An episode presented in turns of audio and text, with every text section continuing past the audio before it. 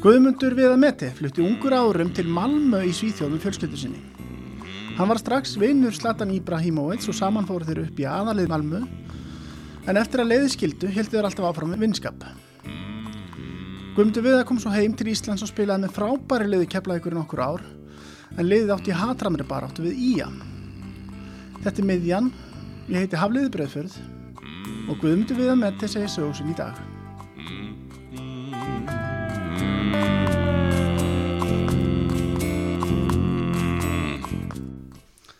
Velkomin Guðmundur, hvað er þetta að gera í dag? Ég er sem sagt byrjað að vinna samhliða fótboltanum 2060 á öll Mm. og er bara þar enn í dag. Það endist vel í starfi. E, já, ég myndi segja það, Ke- strákarnir í Keflæk á sínum tíma gáðu mér tvær vikur en ég er að nálgast 14 árin svo að Akkur hefur ekki trúið að þér. ég veit það ekki. Þeim fannst ég bara ekki hérna öruglega höndlast, ég hef náttúrulega aldrei unnið að viti gegn, eh, frá því þegar ég var í Svíþjóð Mm. þetta var svona fyrstu alvöru starfið sem ég þurfti að mæta 8-4 Og líka bara vel. Já, bara mjög vel. Hvernig er ástandið þar núna í, í sem COVID? Það er náttúrulega bara, þú veist, vöruflutningaflug hafa náttúrulega ekki fallið niður jafn mikið og farþjóðaflug, Ok. svo að við erum ennþá að þjónusta okkar kuna, Mm. en, en náttúrulega skiljanlega þá er minna að gera hjá þeim Já. og og þar er ekki minna að gera hjá okkur, svo, að- svo að hérna, við erum öll heimavindu sem eru á skrifstofunni, Já. en náttúrulega við finnum fyrir þessu eins og allir aðra á Íslandi Mhm. en við erum líka að þjónusta spítal út um allan heim með að flytja svona medical vörur út um allan heim svo að, Nó gerir því. við, já, Ég ætla að spyrja út í ferlinn í dag og þú, þú, þú stalin upp held það ekki á hvað er ekki fyrir það? Jú. Já. ég fættur þar eða, ég fættist á Neskustæðri 81 og, og er á Eskiferði í austra og flytt út 10 ára Já. Hvernig var að allast upp á eski fyrir því fyrstu, fyrstu tíðan? það var bara frábært Mm. uh, og þú veist, lítill bær og þú veist, allt ólæst, maður lappaði bara inn í Mm. já, frændaði maður var svangur og greif sér eitthvað þar og, og hérna, já, frábært að vera þar í fótbolta líka. Já. Varstu alveg byrjar snemma að æfa? Já, ég byrjaði svona 5-6 ára og byrjaði þar og það var náttúrulega svona bara sparkvöldi rétt hjá Mm. en hann var reynda bara úr, úr hérna, það var ekkert gerðvigras, maður var bara á malbygginu Já, bara svo leys. en það er kannski það sem að eðlaði mann, maður veit það ekki. Einhver sagði mér að þá nú lendi í stundum afiðin Óli Foss hafi verið að dæma hjá þér. Já, hann var náttúrulega dómar hérna á Ísturlandi og svo eftirlitsdómari Já. og það er nokkar skemmtilega sögur að afa Nú, segðu hann, mér. hann er nú eini maður sem hefur rekkið mann út með rauðan vinstánpakka Hvernig gerist það? hann glemdi spjöldunum og var náttúrulega að reykja í hálfleik Já. og hann var ekkert með annað í vasunum en- en vinstánpakka, hann bara tók hann upp og... Þú varst ekki að spila þennan leika það? nei, nei, Nei. nei, nei, það var bara það var fyrir mína tíð sko Já. Uh, svo þegar því er að þá flytti ég til Malmö, hvernig, hvernig leistur þau plön þegar að, það kemur upp hjá fjölskyldinni? ég var nú ekki sáttur eins og myndur náttúrulega maður náttúrulega mjög mikla vi, að, marga vini og náttúrulega fjölskyldan hann Mm. stór, mamma og tíu sískinni Mm. en náttúrulega hana, þetta var eiginlega of lítið fyrir pappa sem er náttúrulega frá Tyrklandi og úr miljónaborg eins og Ankara Já, svo við tökum hann flytjum hann mitt og milli og Malmöð var fyrir valinu veistu hvað það voru alltaf? Nei, ég er ekki alveg viss mm. hann, hann bara þú veist, þessi ákvæmna tekin ég er ekki alveg, veit ekki alveg út af hverju Mm. Og hvað komið þið þarna til Rósengard eitthvað svona? sér? Já, ég bjó nú bara það var svona 50, eða 500 metrar í Rósengard Já, bjó hinni megin við svona játbreyteg já, og já, það er nú skemmtilegt hverfið það Rósengard hvernig, hvernig, hvernig það? Það er náttúrulega bara innflytandi kerfið þessum hérna, hverfið sem að já, ég meina, pólitíkasar í, í Svíþjóð hefa ekki gert það gott með því að ef þú setur alla innflytjandi á sama stað þar sem að þar sem að er ódýrt að búa þá náttúrulega þú eru þeir ekkert að blandast við sænska fólkið og eru ekkert að læra menningu þeirra eða tungumál það sapnast bara upp í, í ghetto til, að, þú veist, til lengri tíma og þú veist það eru sum hverfi þarna núna í dag sem að lögreglan þórar ekki að fara í og þú veist það hendi í þeim steina og þú veist jafnvel skotið og byssu Mm. og er bara ekki tal, það er ekki tölu sænska þarna í dag Var þetta svona harður heim þegar þú komist það? Nei, þú veist, ég fann ekkert fyrir eins og krakki, þú veist, maður mað lappa hann inn og þú veist, ég náttúrulega var í skóla Mm. í Rósankort, byrjaði þar að eins fyrirlegt að það hljómar, þá fór ég að læra sænsku í því hverfi, Mm. en fór svo í grunnskóla sem var ekki í Rósankort Já. og þar er ég heppin að þar sem að ég fer í bekk með fullt af sænskum krökku sem eru úr aðeins ríkari hverfi, þú veist, einbýlisúsa hverfi og Mm. þar fæ ég svona hreinu sænskuna og, og já, kynnist þeim aðeins betur Þannig að það var ekki svona mikið vesen sem þú varst að díla við svona sem ungu, ungu drengur. Nei, ekki það mikið en þessi skóli náttúrulega, það voru slagsmál hérna og stundum hnífar og stundum baseballkilfur og eh, ekkert sem ég held að gerist hérna heima sko, kennar handjátnaði við skrifborðið og Var það að gerast? Já, já, það- það er bara einu sinni í viku eða eitthvað, eitthvað svoleiðis, verið að berja kennara eða eitthvað. Varst þú að lenda í ykkur svona? Nei, ég reyndar, eins og ég segi þá, þá var ég heppin að lenda í, í, í góðum bekk. Góðum bekk, já. En kynnist þarna, er ekki bara einn af fyrstu mönnum sem kynnist þarna Zlatan Ibrahimovic? Jú, sem sagt, hann er bara hann út af einhverjum garði og, og ég, ég lappa hann út og við byrjum að spila fótbalta og þá er það náttúrulega hann og nokkrir hann sem að enda saman í Malmö, Mm. unga liðið þar. Já. Við vorum fjórir eða fimm hann sem áttu heima á sama, á sama stað sem að voru síðan að spila upp unglingaflokkana. Og Og voru þið bara alltaf saman eftir þetta? Já, við vorum náttúrulega Já, við hittumst mikið og náttúrulega hann í, í, í, í bekk hérna, öðrum bekk hérna í þessum sama skóla Já. svo að, Það voru einhver strókapör. já, já, nokkur Segðu mér nú frá ykkur, hann hefur nú alveg talað um þig í bókinni sinum. Jú, jú. Gerðið ykkur. Já, það er svo mikið maður erfitt með að velja úr en hann, náttúrulega- Við erum komin hérna upp í meistarflokki þegar hérna, þegar við hérna ákveðum að taka strætakorti með okkur og það er úti hlaup Já, Ómar Jóhansson, náttúrulega markmaður í Já. Keflavík, hann var með okkur þar í meistarflokk já. og við ákveðum bara að taka strætakorti með okkur og leiðum hinum að lappa eða hlaupa af stað Já. svo eftir fjóra-fimm kílómetra þá förum við bara næsta stöð og, og förum síðan ringin og þá sjáum við Ómar hérna á vingum Al, alveg búin að því þetta síðastir og endur svo í eh, bara svona miðlungsgenginu sem hlaupin en það var, Komst þetta upp eða? nei hann náttúrulega sagði frá þetta í bókinni svo, Já. en það komst ekki upp, nei Og eitthvað meira svona, eh, þú varst, varst með hann, hann, hann talað svolítið um að hann hafi verið með vinni sínum að stila hjólum og svona, varst þú í því? En hann stál hjóli akkurat í þessum hlauparhing hann nefndi ekki að hlaupa þessar fjóru, sí, fimm, hann, svo var ég að byrja að hlaupa og það heyrði ég konar kring, kring Mm. þá var hann búinn að nappa í tjól og kom hann að Mm. loka metrana Já, varstu með hann? hvað segir þú? Stökkst upp á hjá hann með ekki? Já, hann tók með einhver, einhver, einhver, einhver spöl 500 metra eða eitthvað Mm. Gastu sé hjá honum þessa hæfileika strax? eða? maður sá tæknilega hæfileikana en hann var ekkert byrjulegismæður hjá okkur Mm. fyrir en setna árið í öðrum flokk Já, af því að hann var ekki með stærðin eða styrkin til að mann man fór bara að hann og náði boltan á honum mm. en tæknilega sá mann þetta mjög snemma að hann gæti orðið eitthvað en hann var alls ekki í fyrsta valið hérna í Malmö Nei. upp unglingalið Hvað er það gamlið þegar þið byrjaði að æfa fótbolta hann? ég byrja eiginlega ég fyrir beint þarna 11 ára Já, hann kemur 14 ára þangað og ferði þá til Malmö eða eitthvað annað lið sem það byrjar hann í?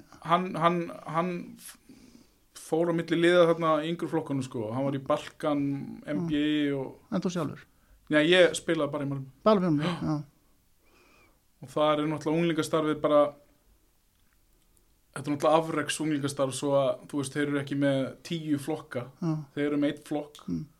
og þú veist, ég hef hort upp á vini mína sem eru 11 ára farin í herbyggja og þjálfur og hann hann er bara sagt bara, herðu þú ert ekki nógu góður, þú verður bara mátt ekki efið hérna lengur Já, svo að þarna byrjaði bara svona ákveðin svona professional dæmi það sem að hafa bara valið úr Mm. og stundum náttúrulega kannski búin að æfa í heilt ára þá kom einhver 2-3-9 sem að þau voru búin að skáta Mm. og 2-3 þurfti að fara Þú varst alltaf svo góður að þú fyrst að hanga þarna áfram. Ég myndi ekkert, eh, þú veist, já, svona nokkuð, ég svona stíg upp þegar ég er svona 14-15 ára, Mm. þá fer ég svona kurvan upp. Já. Þú varst alltaf meðverður. Nei, ég spilaði út um allt, ég var, byrjaði sem náttúrulega hérna heima, þá var ég á austra, þá var ég bara sendir frammi. Já. Svo var ég þangað til Malmö og byrjaði að sendi þar líka. Já. Og svo færðist ég neður og neður og neður Já. og endaði í hafsendrum. Og Er það bara þegar þú ert að nálgast meistarflokkin eða hvað ætlum gammal þegar það- það gerist? Uh, ég er 14-15 ára, þegar- það er svona 13-14-15. Þá Byrja færðu að að festa spila. því sessi, sessi þinn í stöðu. Já. Líkaði vel við hann strax. Já. Já, þú veist, þá sá maður allan völlin Mm. það er enginn að hlaupa þú veist, koma bak við þig skilur að ná að boltanum og mér finnst það bara fannst það flott staða Skoraði minna. Já, ég skoraði ekki neitt maður Það var ekkert að tröfla að fá ekki vera fram eins og Nei, menn nei, vilja. mér fannst það fínt Já. fínt, Já. fínt að vera hann að vera aftur Mm. Hvað- Krist, Kristján Guðmundsson er náttúrulega unglika þjálfari Já, hann er að það kemur út. Já, Hvernig ja, áttu? hann, já, hann kemur setna Já, og er að þjálfa þriðja eða fjórðaflokkin ok. Er þú þá í öðrum eða? Ég er þá í þriðja Já, eða svona 15-16 ára já, og hann lætur sem sagt KSI vita af mér Mm. og þá er það fyrsta skipti sem ég kem heim á landslýsæfingu það er þá sko, 17 ára landsliða 16 16 ára, já. Já. hver ára þjálfa Gustaf Björnsson Já. Adolf. hvernig fannst þér að koma heim í landslið Mér fannst það svona, þú veist, skrítið mm. til að byrja með maður var hann náttúrulega að hitta alltaf þessi strákar í fyrsta skipti en þeir náttúrulega þekktu hvora- hvorn annan úr já. íslenska boltan En varstu utanveldu að þinn í hópnum Ha? eða? utanveldu í hópnum Nei, alls ekki, þú veist, ma- nú, fyrst til að byrja með þessu fyrstu æfingu, það þekkti mikið neitt en síðan í fyrstu ferð þá var maður alltaf bara orðin þeirra félagi. já. og þú bara átt fastsæti í þessum liðum eftir þetta eða ekki Jú, all, alla leið upp í 21 já, og við náttúrulega náðum að komast í, í lokakeppni í eitt skipti, þarna með 16 ára leiðinu. með 16 ára, hvert voruð þá Við spilum í Skotlandi, já, við slóum út Póland og Lettland minni mig og og hvern, fórum þá að spila á múti Svíum og Danmörk, man ekki, jú, Svíum og Danmörk. varstu að spila við ykkur af félaginu þar Já, hann spilaði mátti, þú veist, bara, ba- eh, þú veist, Tony Flígar er, er strákur sem hafa spáð bara mjög stónum fyrir, já, var algjör mark, markamaskína í unglingaflokkum og spáði bara að vera næsti aðtinn maður Malmö, já, en hann, ég spilaði mátti honum og hann var ekki út af þessu leik. mm. Og var það eitthvað sem þú gerði að þér eða ekki Nei, nei, nei, það var Valur Úlfars sem að, sem að fiska hann út. hvernig gerði það, hvernig gerði það Ég, hann þóttist fá einhvern olbóðskot frá honum, en hann var alveg dölum á olbóðan að Tony, sko. já, já, ok, það verður eitthvað, eitthvað læti eftir þetta Já, jú, jú, en svíjarnir voru bandbrjálaður eins og leik, við unnið þá. Mm. En Kim Sjálström og fullt af góðum leikmönnum í þessu sænsku liði. Já, ok. Hvernig hann þá að koma heim að díla við hann um þetta atvik? Hæ? Að koma heim til... Það maður skaut bara á hann, en hann, þú veist, þá, þá var svona, það var bara gaman. Já, var þetta skemmtilega strákur eða? Hann var mjög skemmtilegur og hress, Mm. en hann náttúrulega, það sem að fór úrskeiðis það, hann náttúrulega bara andlega hliðin hjá honum, ekki nóg sterk. Já. Þú verður, hvað, hérna, meistari með átjónarliðinu? Jú. Já. Við erum hérna meistar 98, þá er ég á fyrsta ári í öðrum flokki. Hver er að spila með þá?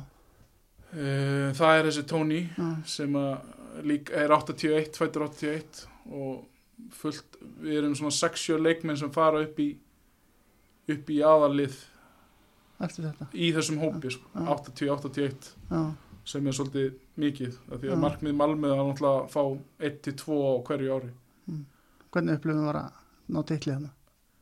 það var bara, eh, þú veist, það var mjög skemmtilegt að vinna en þú veist, kröfarnir eru bara þannig að þú átt að vinna þetta Já, Malmö lætur unglingan sín að spila eitt ár fyrir ofansug sem þú ert 13 ára og hort að spila á móti 14 ára drengi Já, akkur er það. bara til að eh, fá meiri reynslu og, og þú veist, náttúrulega erfiðar að spila við 14 ára, einu Mm. ára eldri Mm. þetta er bara gert þar Já. Þótti þetta mikið afrika að ná þessum titlið eða var þetta bara sjálfsögkrafa? það var nú nokkur ásýðið unnu þetta en, en, en krafan er náttúrulega að vinna þetta hverja ári en þú veist það var mikið fagnað en Mm. þetta er náttúrulega bara svont, titil í í unglingastarfi hmm. Þú fer hann í mentaskóla núti? Jú. Gekk vel? já já, ég náði ágættis náði náttúrulega að klára stúdent náttúrulega 19 ára Já, og náttúrulega þetta var náttúrulega afrækskóla líka þar sem að við hluti á deginu þá vorum við á æfingum já. bara hjá Malmö já, þetta var svona fótboltaskóli ykkur. Já. Það verður gaman já, það var fínt með Og- þessum hópi. Já, og, og ekki bara Malmöstráka heldur fullt af öðrum strákum og öðrum félögum sko, Já. sem fengu að æfa það. Segðu mér frá deginum sem þú útskrifast. Já. Það var náttúrulega erfið dagur af því ég þurfti að spila leik Já, svo að ég fekk ekkert að fagna með mínum vinnum fyrir kvöldið. sem sagt. já. Þú Ég spilaði hvað, star- fyrir norðan eða ekki? Nei, við spilum í Gaut, rétt fyrir utan Gautaborg á móti Jungsíle Já, þar sem að við þurfum að hittast náttúrulega mjög snemma og fara í rútu og, og meðan voru náttúrulega félagarnir mínir í bekknum að fá sér kampamis þú veist mm. eh, champion breakfast og allavega ég þurfti að fara náttúrulega upp, upp yfir já, og þegar vildi ekkert gefa mig frí, ég skil það svo sem já, þá var ég svona byrjar að spila eitthvað að viti já. og Með aðliðinu eða? Já. og förum hann upp yfir og vinnum og pappið náttúrulega bruna með mig niður til svo ég næ einhverju fagnaði sko. Er Ekki fólk bara að fara þegar þú kemur aftur eða? Nei, nei, ég næ að koma hann um nýju litu heim Já, og næ að borða eitthvað svo bara á, á, á einhvern skemmtistað hann sem að sem allir hittust já. Góða dagur. Já, þetta er náttúrulega stó, mjög stór dagur í Svíþjóð, Já, þessi stúdentsdagur. mm. Náttúrulega leðilegt að ég get ekki fagnað en maður skilur svona sem þeirra hliða. Já, ekki það, ég þarf náttúrulega að spila. Einhver sagði mér að það hefur tafist ennþá meira á leiðin til baka því að menn hafa þurft að vera leifupróf. Já, ég fekk sem sagt, það getur vel verið en ég fekk náttúrulega leiði að fara heim með pappa. Já, bara strax. Já, strax, já. Þa, það var svona, annars þurftu hinnir allir að vera á, Já, á rútunni sko. var Slatan að útskýrast með þér- með þarna? Nei, hann hætti. Hættan, gasta hann upp á þessi? Hann tók svo ákvörðum bara 18 ára að hann ætlaði að vera knastmyndumæður Já, og hætti bara í, í mennskóla. en þú sjálfur, þú ert komin á þennan góða staði í, í leiðinu og varst þú ekkert að hugsa svona langt? eða? Nei, ég ætlaði nú að klára að fá þess að gráðu, þú veist, þetta var nú ekki það erfitt. Já, En hann, hann náttúrulega kannski ekki var bara að hugsa um allt annað. já, Að þetta var hans svona eini séns í lífinu að make or break it. já, Og já, svo fréttum maður alls konar, hann var að taka alls konar aukaæmingar og... já. Þú varst ekkert í því? Nei, ég heyrði bara af honum að hann var að hlaupa bara einhverjum út í einhversu skói, bara eins og vitleysingur. Mm. Heldur ekki alltaf vinskapin hérna áfram? Jú, jú, jú, jú. Hann, hann náttúrulega slærilega gegn í þessari deild Malmö náttúrulega fjallu fyrsta skipti úr uh, og 64 árum úr efstu deild Já, ok. 99 Já, og þar er hreinsað úr hóp og eins og sagði þarna þessi hópur úr 98 sem að vinnur sænski meistari það Mm. er 6-7 menn tekin upp í aðalið já. og Byrjar að spila þá 2000 eða 99 eða? ég spila 2000 Já.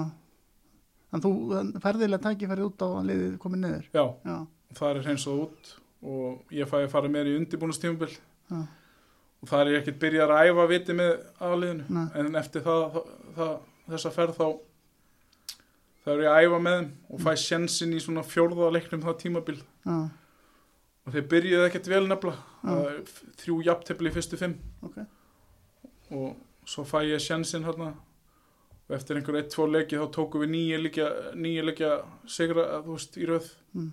náum þá að svona koma okkur í ágæta stöð Og áttu þú bara farsæti árið? já, Tvítur? já, rúmtvítur já, rúmtvítur Já, og, og spilaði bara ágætlega og ná, við náum hann að öðru sætin eins og deilt, Jörgóttun er á fyrsta sæti og við förum upp á samt þeim mm. Var ekki draumið fyrir tvítugan stráka að vera hann byrjulinsmaður í Malmö? Jú, jú, maður náttúrulega, það var náttúrulega markmið þegar maður byrjaði að æfa þarna Já, og, og svona mikil hefði í, í félaginu, mm. margir stóri leikmenn sem að spila þarna og Mm. eitt stærsta félagi í Svíþjóð svo það var náttúrulega algjör draumur Mm. Svo ert spilar þarna á, á þessu ári er það ekki leik á móti svíum með 21. sleðinu sem Jú. er þinn fyrsti 21. já, sleðinu já. og vakti rosalega aðtili já, ég það gekk vel í þessu leik og við unnu þá og Jói Kalli endaði með að setja eitt hann aukaspinn upp í samskipt og eftir þennan leik þá fekk ég alls konar Lilleström í Nóri hafði áhuga fyrir að Já. hitti þá, þá mm, en tók, tók ákvörnum að vera bara áfram í Malmö já, og skrifaði undir þar nýjan samning ok af hverju gerir það? Ég var náttúrulega bara leist vel á þjálfan sem var að koma, Tom Mm. Prall Mm, og, og já, ákvaði ekki að fara. Indri Sigursson var á þessum tíma í Lilleström, mm, fór þangað, hitti hann og þjálfan og ákvað bara besta, besta ég syns bara að vera áfram í Malmö. hvernig heldur að hafa verið geðamennir á milli þessar liða? Það var Leilström starra lið? Já Akkurat þá var náttúrulega Lilleström sterkari liða því að þeir voru náttúrulega í efstu deild og, Mm. og hérna held ég að spila vel þar Mm, en Malmö náttúrulega var að fá nýjan þjálfara og, og komist upp í allsvenskan mm, og, og það, þess vegna ég held ég að að Ég, það myndi ganga betur þar Mm. og var að kannski spila fallir í knarspinni. En þú ert alveg orðað við Ipswich og Stoke á þessum tíma líka ekki? Er það sinna? Ég heyrði eitthvað af því en ég fekk það aldrei staðfest. Nei, Nei, er ekki talað við þig eða neitt? nei. ég Mm. Nei. fó bara og hitti Lilleström. Já, og þar var mér bóðið samningur sem að ég neytaði. mm.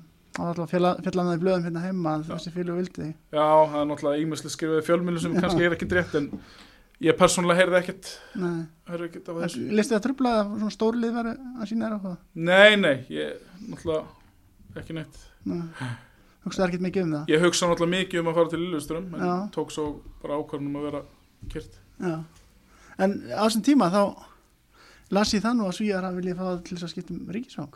Já, það var sem sagt Hvernig fór það fram?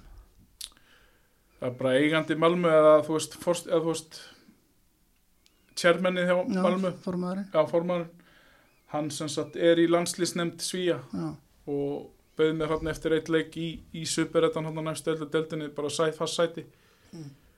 og þá var ég náttúrulega búinn að spila hérna einhverja já, hvað, 20 landsleiki fyrir yngri lið, í- það komi aldrei ekki að greina, ég sagði bara neitt takk veist alltaf á þessum Íslending. já, Mm. myndi segja það, en náttúrulega maður var náttúrulega búin að heima, heima í Svíþjóð meiri hluta lífsins þá Mm. náttúrulega, ég var orðin svona hálf, hálfu svíi hérna líka Já, sérstaklega eftir HM 94 þarna, þú veist þegar maður horfði á hann í bandaríkjum þá náttúrulega hjælt mann alveg með Svíþjóð líka skil. ok. En hvað, af hverju hafður ekki áhuga á að spila fyrir það? þá var ég eins og ég segi, þá var ég búinn að spila fullt af leiki með íslensku Mm. Já. landsliðum og, og sá Bara hann komin í, í það hugafar. Já.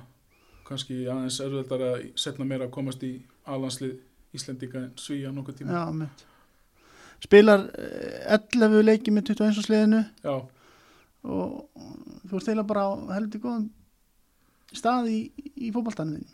Já, svona 2000-2001 þá, þá, eða þú veist þá er ég á svona leiðinu upp, eins og ég segi Mm, Já, en svo er náttúrulega þessi meðsli sem að fara að hrjá mig hvernig byrja það? það er svona 2000, 2000 setni hluta 2000, 2001 undirbúinstjónu 2001 Já, þá finn ég, þá verð ég greindu með rannus ný já, og orðin bara haltur já, og það tekur við bara enduræfingi í einhverja fjóra-fimm mánuði já. og í kjölfarið þá fer ég þarna t- á lán til Midtjylland Já, Danmarku Já, sem sagt, það var hringt í hringt í málum og spurt hvort að þau vildi hvort að ég möguleika að fá mig á lán Mm. ég fer svona hálgera reynslu, ég var sóttur í Kaupmannhöfn keiri til Íkast þar sem að æfingasaði er Mm. gisti þar eina nótt svo erum við að hérna, förum við neti Þískalans í æfingaleg við Wolfsburg, minni mig Mm. þar er fullt af leikmenn sem er nýkomnir á HM Já, einhver rúmenu og einhver nýgerjumæður og við, við, unn- við vinnum á 6-0 ok af því að mitt Írland er í Evrópakefni þetta árið mm. og vildu fá svona erfiða leiki til að bara undirbúa leikmenn fyrir erfiða leiki í útvöldi þar er mér bara, bara bóðið samning og ég skrif undir næsta dag Lánsamningu samt eða ekki? jú, jú, jú. svo kem ég hérna í fyrstu leik í dansku deildinu þá mæti ég Mm. svo sé ég einhverju gauðra sem ég aldrei séð áður Mm. þá er þetta tveir hafsendar sem eru að koma úr meislum sem sagt fyrir, fyrirliðin Mm. og ein- annar gauð sem er bara þú veist 29-30 ára bara með því líka reynslu úr dansku boltan Já, og í Danmörku á þeim tíma þá eru bara 15 manns í hóp já, já. og ég bara settir út, út í liðinu Varst ekki brjálæður? sjálfsögður eru brálaður og ég er náttúrulega held áfram að æfa hérna og kemst í hóp einhverja leiki hanga til að ég segi bara, herðu, ég skil ekki út af hverju þú voru að fá maður lán, Já. ég er bara farin heim Náður ekki einum leika? Jú, ég kom inn á einu leik Já. Bara í lokin eða eitthvað? Já, við vorum að, við unnum Sigur og Silkeborg, það var reynda að fyndi saga á þeim leik Nó, sem er. Eh, þjálfari Silkeborg var eiginlega hálfsofandi þann leik og öruglega búin að fá sér eitthvað Mm. og þau voru með einn mann að taka allar aukaspinnur Mm. og við erum eitt nú lifir og ég er að fara að koma inn á og þau fá auka, aukaspinnu Mm. og það st- stendur einhvern maður tilbúin að taka hana þá ríkur maðurinn upp og segir djöfullin, hann á að taka hana, hann á að taka hana þá öskar einhver tilbaka á hann vinnum minn, þú skiptar hann út fyrir korteri síðan Ekki alveg algjörst með það. nei, nei, Nei. En þú ákveður bara að fara þá eftir þennan? Já, ég fyrir bara heim, Malmö, spila ekkert mikið það tímabil Nei, okkur ekki. uh, af því að þá eru þeir búin alltaf búin að fasti menn í liðinu og ég er eiginlega bara að æfa með þeim Já, fer hann í lok 2002 tímabil er að klára, eh, eða 2001 fyrir Já. ekki og já, hvernig er svo tímbil 2002? það er eiginlega mitt besta tímabil hjá Malmö Já, uh, þeir fá til sinn já, eins og ég segi, Tom Prahl er nýþjálfari Mm. sem er sem sagt skátt fyrir sænska landsliði í dag já. og því líkur reynslubolti var með Halmstad og gerði þeim að sænsku meistarum Mm. og sem sagt gefið mér allavega sjansinu undirbúrstímulinu Já. og þar síðan er ég það heppin að þeir, að, þeir ná ekki að skrá eitt hafsend sem þeir keftu finskan mm. landslýsmann Mm. svo að ég fæ sjansin í fyrstu leikjunum og, og gera það bara ágætlega Já. en þar er ég á- síðan spilaði 14 leiki Já. og við erum í topparótu Já. og Áttu þið ekki að vinna þessa deild það? Jú, já, það er bara svona ákveðin reynsluðis þú veist, þetta félag hafði ekki unni neitt í, í 15 ár Já, og eins og bara með keflaðið 2008 þá, þá var bara reynsluðleysi sem að, var okkur að falli. já og náum hérna, náum að lenda í öðru sæti en þar er semst að samningum er að renna út Já, og ég fæ ekkert að spila setni hluta tímavölsins nú, nú. Og, og var það svo finnin ég fór í einhvern U21 landsleik hérna sem að spila á eigistæði sem að mér var ráðlagt af þjálfari Malma ekki að fara í hann Já, En afi náttúrulega átti heima á Eskifjörði og, já, og ég vildi að hann myndi allavega að sjá eitt leik já. með mér live Mm. svo ég ákveði að fara og eftir það spila ég ekkert mikið þegar ég kom tilbaka og ég held náttúrulega ástæðan fyrir því að ég fór í hann að leik Mm.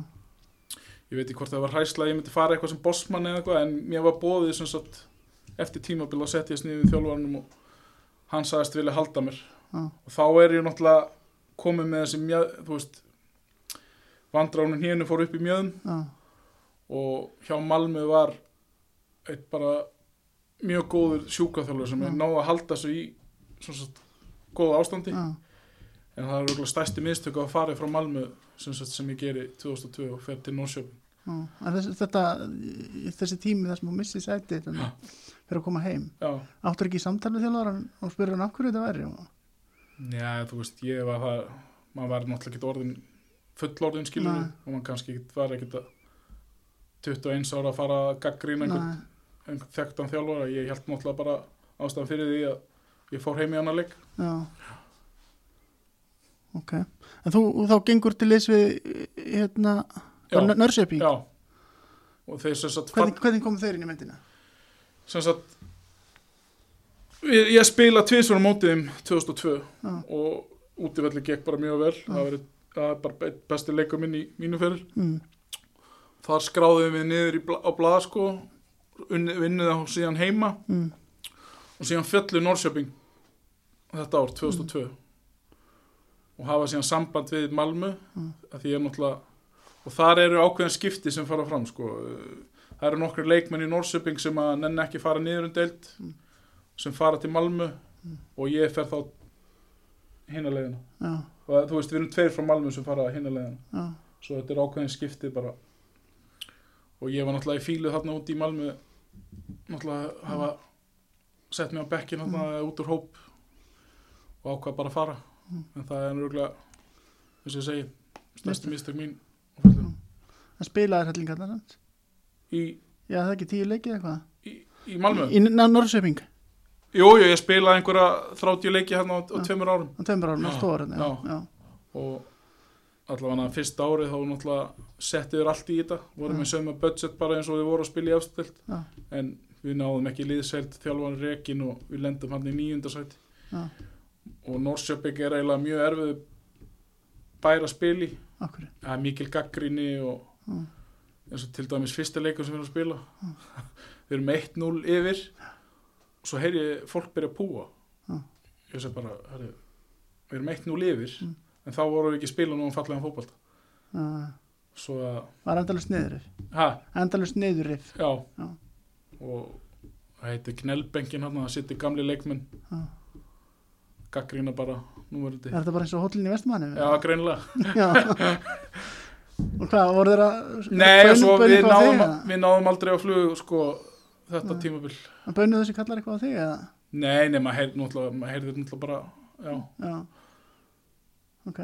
maður geða, þú veist, það var náttúrulega bara upp og niður hann fyrir alla leikmenn, skilur við, Já, maður mitt. náðum einum góð leik sem maður, maður náðum ekkert consistency Já. við náðum ekkert aldrei að fara að fluga að vinna einhverja í röð, sko, Já. en þú veist, við vorum náttúrulega næri bóttbarótu en nokkuð tíman að fara upp það, það, það árið, Mm.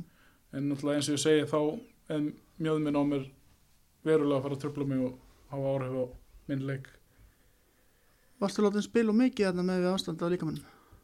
Nei, þú veist, ég þurfti náttúrulega að fara í sprautur til að halda þessu niðri Já.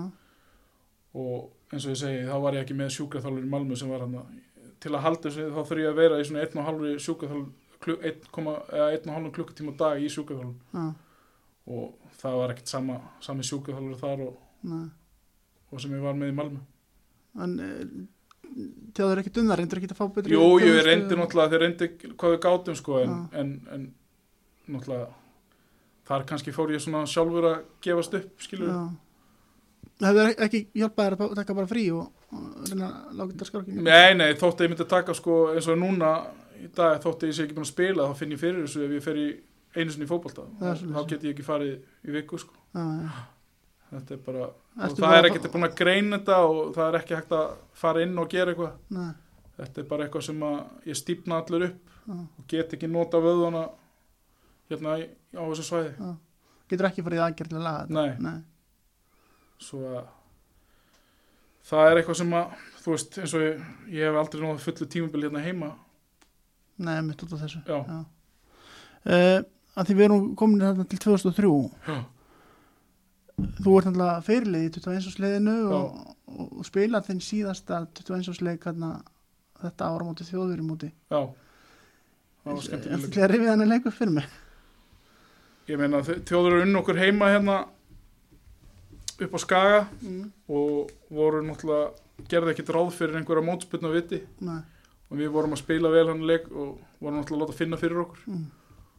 og svo fóru þau bara náttúrulega bara að hrækja og kýla mann og, og þú veist við fórum náttúrulega að gefa svona svara fyrir okkur ég held að KSI hafi fengið dágóða sekt eftir þannig leik fyrir fjölda gula spjálda og rauð Mm.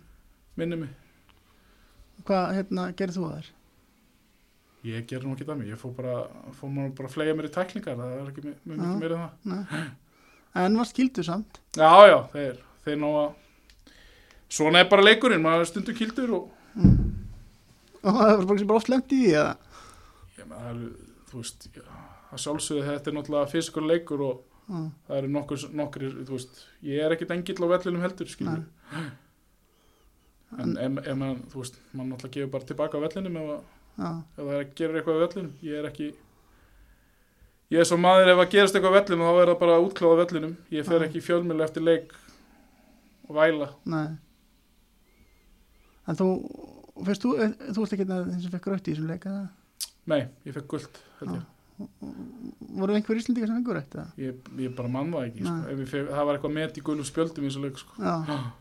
var bara mikið tensjón og... Já, já, það er bara líka bara áhöndur, það var náttúrulega nokkuð þúsund á þessu leik, Já. þegar það var orðið allt vittlist þannig. Já. Gaman að spila þetta Já, ég hef gaman að þessu. Óli Þóra náttúrulega þjálfari, Já. það er náttúrulega, Hvernig var að spila þér Óla? það var gaman, það var náttúrulega mikið sagt ef hans sé að róa mannskapin niður skilur, Mm. en hann þurft að gera það í þessu leik. Óli held ég hafa sagt í viðtil eftir hann leik að ef það ætti að spila hann leik aftur þá þurfti hann að hafa Mike Tyson í liðinu Já, já, hann, hann, hann var alveg brjálaður þetta leikinn. Dómgjansla náttúrulega ekki líka alveg út rött, sko. mm. En hafði þú ekki gaman að svona? Jú, jú, ég fíla þetta alveg, sko. Já. Já, En eftir þennan leik, ég, þá þá var fréttamannafundur og gáðs í það sem er talað um ykkur framtíðamál í fótboltanum og það er talað um að þú sem fyrir liðin hafið kvartað undan umgerð hjá liðinu stuttur undanbúningur okkar Já, en þú veist, þetta er kannski breyti, breyti tímar í dag, en til dæmis, eins og ég segði, þegar við fórum með 16 ára liði í, í lokakeppni, mm. ég held að svíjarnir fóru í tíu daga ferði einhver, einhver staðar út til að þjapa saman liðin og æfa, þú veist, bara hotn og eins og maður gerir fyrir stórmót, Mm.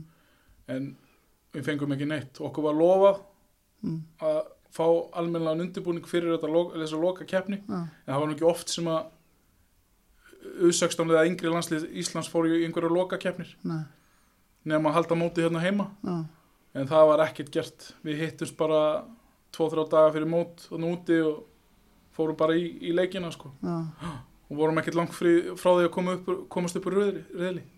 Varstu uh, ákveðin ég að láta í þér heyra og láta laga þetta sem þetta Hvernig kom það til? Sjálf, sjálfsögðu þarf að ef það ætlar að eins og hópurinn landslið okkar í dag Mm. þau eru örugglega- fengið miklu betri undirbúning og, og, Algjörlega. já, og það náttúrulega skiptir máli ef það ætlar að búa til leikmenn Mm. fyrir landslið að þau fá almennlegan undirbúning Já, og hvernig fór þetta fram þá? Hrýtur bara í, í saman? Nei, ég veit ekki alveg hvað, hvað ég sagði einhverju viðtali að, þú Já. veist, þú- við, við fáum aldrei nógu góðan undirbúni á mínum tíma allavega. Já, Það var alltaf bara tvo daga fyrir leik eða einn dag fyrir leik þá hittust við og mm, svo bara spila. mm. Þannig þú lætur í þér heyra allavega Já, já, En þetta ár færðu líka eina landslýstækifærið já, eða ekki út í San Francisco jú, fæ ég ekkert að, segð mér frá því, þessu San Francisco verkefni já, það var hringt í mig þarna út af einhverju forföllum þá fæ ég að fara með Mm. og spilum mútið Mexiko og ég fæ aldrei að komast inn á, eða Já. þú veist, sé svolítið eftir því að það er náttúrulega gaman að komast á blaðin, Mm. svona er þetta bara. Það er gaman að vera í kringum aðliði samt Jú, jú. Það er náttúrulega nokkra kempir sem voru hann, Helgi Sig og, og ég held að Ó- Ólafur ekki skúla sem var hann, mm. Gilvi Einars, það var mann ekki alveg. Hver var að þjálfa? Það voru Logi og hérna Ásker. Já, ok, fengið að spila fyrir Let's Center eða æfa með Let's Já, Center, já, já. Einmitt. var ekki gaman að vera með þeim? Jú, jú, þetta var alveg skemmtileg ferð. Já, ofsalega langt ferðalega eða ekki? Jú, jú. En það voru glæð, já, sett annarskipt sem ég var í bandaríkjunum, svo náttúrulega Mexikanir mættu fjölmenn, fjölmenn alltaf á þessu leiki. Já, var trófandi völlur og allt Spilum já, einhverju beisbólvöldu hann í já, það sem að ég held að Giants spila San Francisco Giants já, og maður ekki hvernig það fór minni að við töpuðum 2-1 eða 1-0 ég maður maður ekki alveg voru f- f- fleiri en þú sem fekk ekki kom inn á eða við vorum nokkri held ég, Já. 2-3 voru það svekkja ykkur á því eitthvað? já, sjálfsmaður við vorum sagtur menn Sæðir eitthvað? nei, Nei.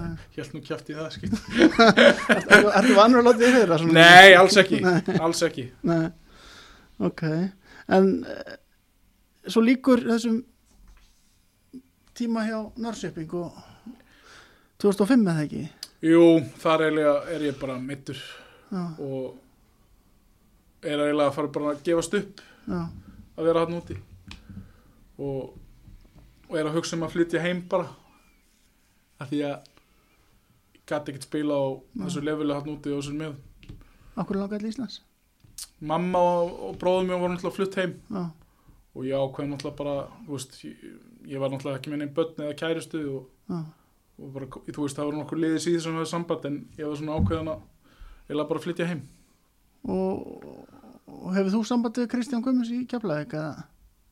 ég man ekki alveg hvernig þetta fór fram en þú veist það við, Óli Garðas held ég Já, ringdi Kristján og Kri- Kristján náttúrulega við þekkist, þekkist lengi, lengi ég talaði ekkert við neitt annað félag þegar ég kom heim nei, heldur bara að skrifa beint undir hjá Keflæk Skipti það máli að það var þarna þjálfari sem þú þekktir?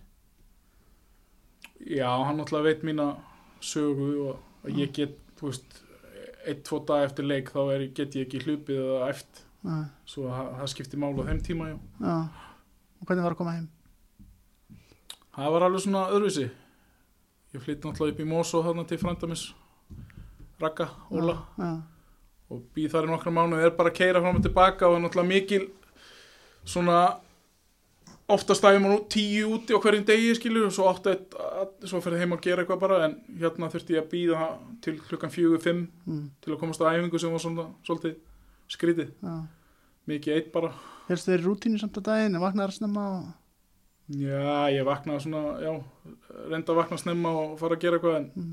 það var náttúrulega allir uppteknir allir í vinnu sem Já, er náttúrulega, mann er ekkert vanur Mm, allir liðsfélaga líka, já, skilur en það er svona eina árið sem að ég vann ekki heldur já. En hittir þetta Kristján, hvernig var að spila fyrir hann? það, er, það var bara mjög fínt Mm. hann alltaf, var alltaf vel undirbúin með hvernig anstæðingunum spilar, hverju spila hvað þá mann að fylgjast með Mm. mér, mér fannst fínt að spila undir Mm. Ég talaði við hann um helgina og hann sagði mér að spyrja út í göngutúran á, á hundin. hundin rámar ekkert í hundin já við fórum alltaf já með keflæk þegar við vorum að spila þá, þá hérna allan í Evrópuleiki Mm, þá hérna fórum við alltaf í göngutúra mm, og alltaf þegar ég sá einhvern hund lappa framjá Mm. þá faldi ég mig fyrir gengjunni í næ- sem voru að koma eftir mér Mm. og þeir náttúrulega sáu hund lappa framjá stökk fram og svona greip í kalvan og gelti hvernig var þetta séð? ha, Hvernig var þetta séð? það var bara skemmtilegt sko Já, það var náttúrulega mjög skemmtilega karakterar í keflaugleðinu og góð liðsheld já. Ég svona óttaðast að Kristján var eitthvað stríðan mér því að hann nú, hann er Nei. pín, hann pín, pín, pínur stektur. já, já, hann er það en stektur og góð já, Skemmtilega kall. já, heimt Já, að mitt. Uh, var voru eitthvað svo leiðis skemmtilegar minningar? já, keflaug Já, Já, ég er náttúrulega 2005 þá fyrir við, eru þeir náttúrulega í Evrópakefni og já. er ekki Meinarðu? eh, HM í Þýrskalandi 2006 Já. Jú, svo við förum út 2005 og spilum á móti Mainz Mm. þar sem að Jürgen Klopp er þjálfari já. og fáum að spila semst þetta á Frankfurt vellinum að því að vellin hjá Mainz var ekki löglegur Já, já. og spilum hérna á HM velli Mm. og það var, al- það var náttúrulega, þú veist eitt skemmtilegstu leikur sem ég hef spilað á æfinni Já. Hvernig þá? Hvað var? Nei, bara stemningin og maður var að spila á móti, þú veist, náttúrulega bundeslífi liði Mm, og náttúrulega við, við náttúrulega vorum ekki með boltan marga mínútur í þessum leik nú að gera hjá þér. já, sem var bara, þú veist, það var skemmtilegt Já, hvernig fór?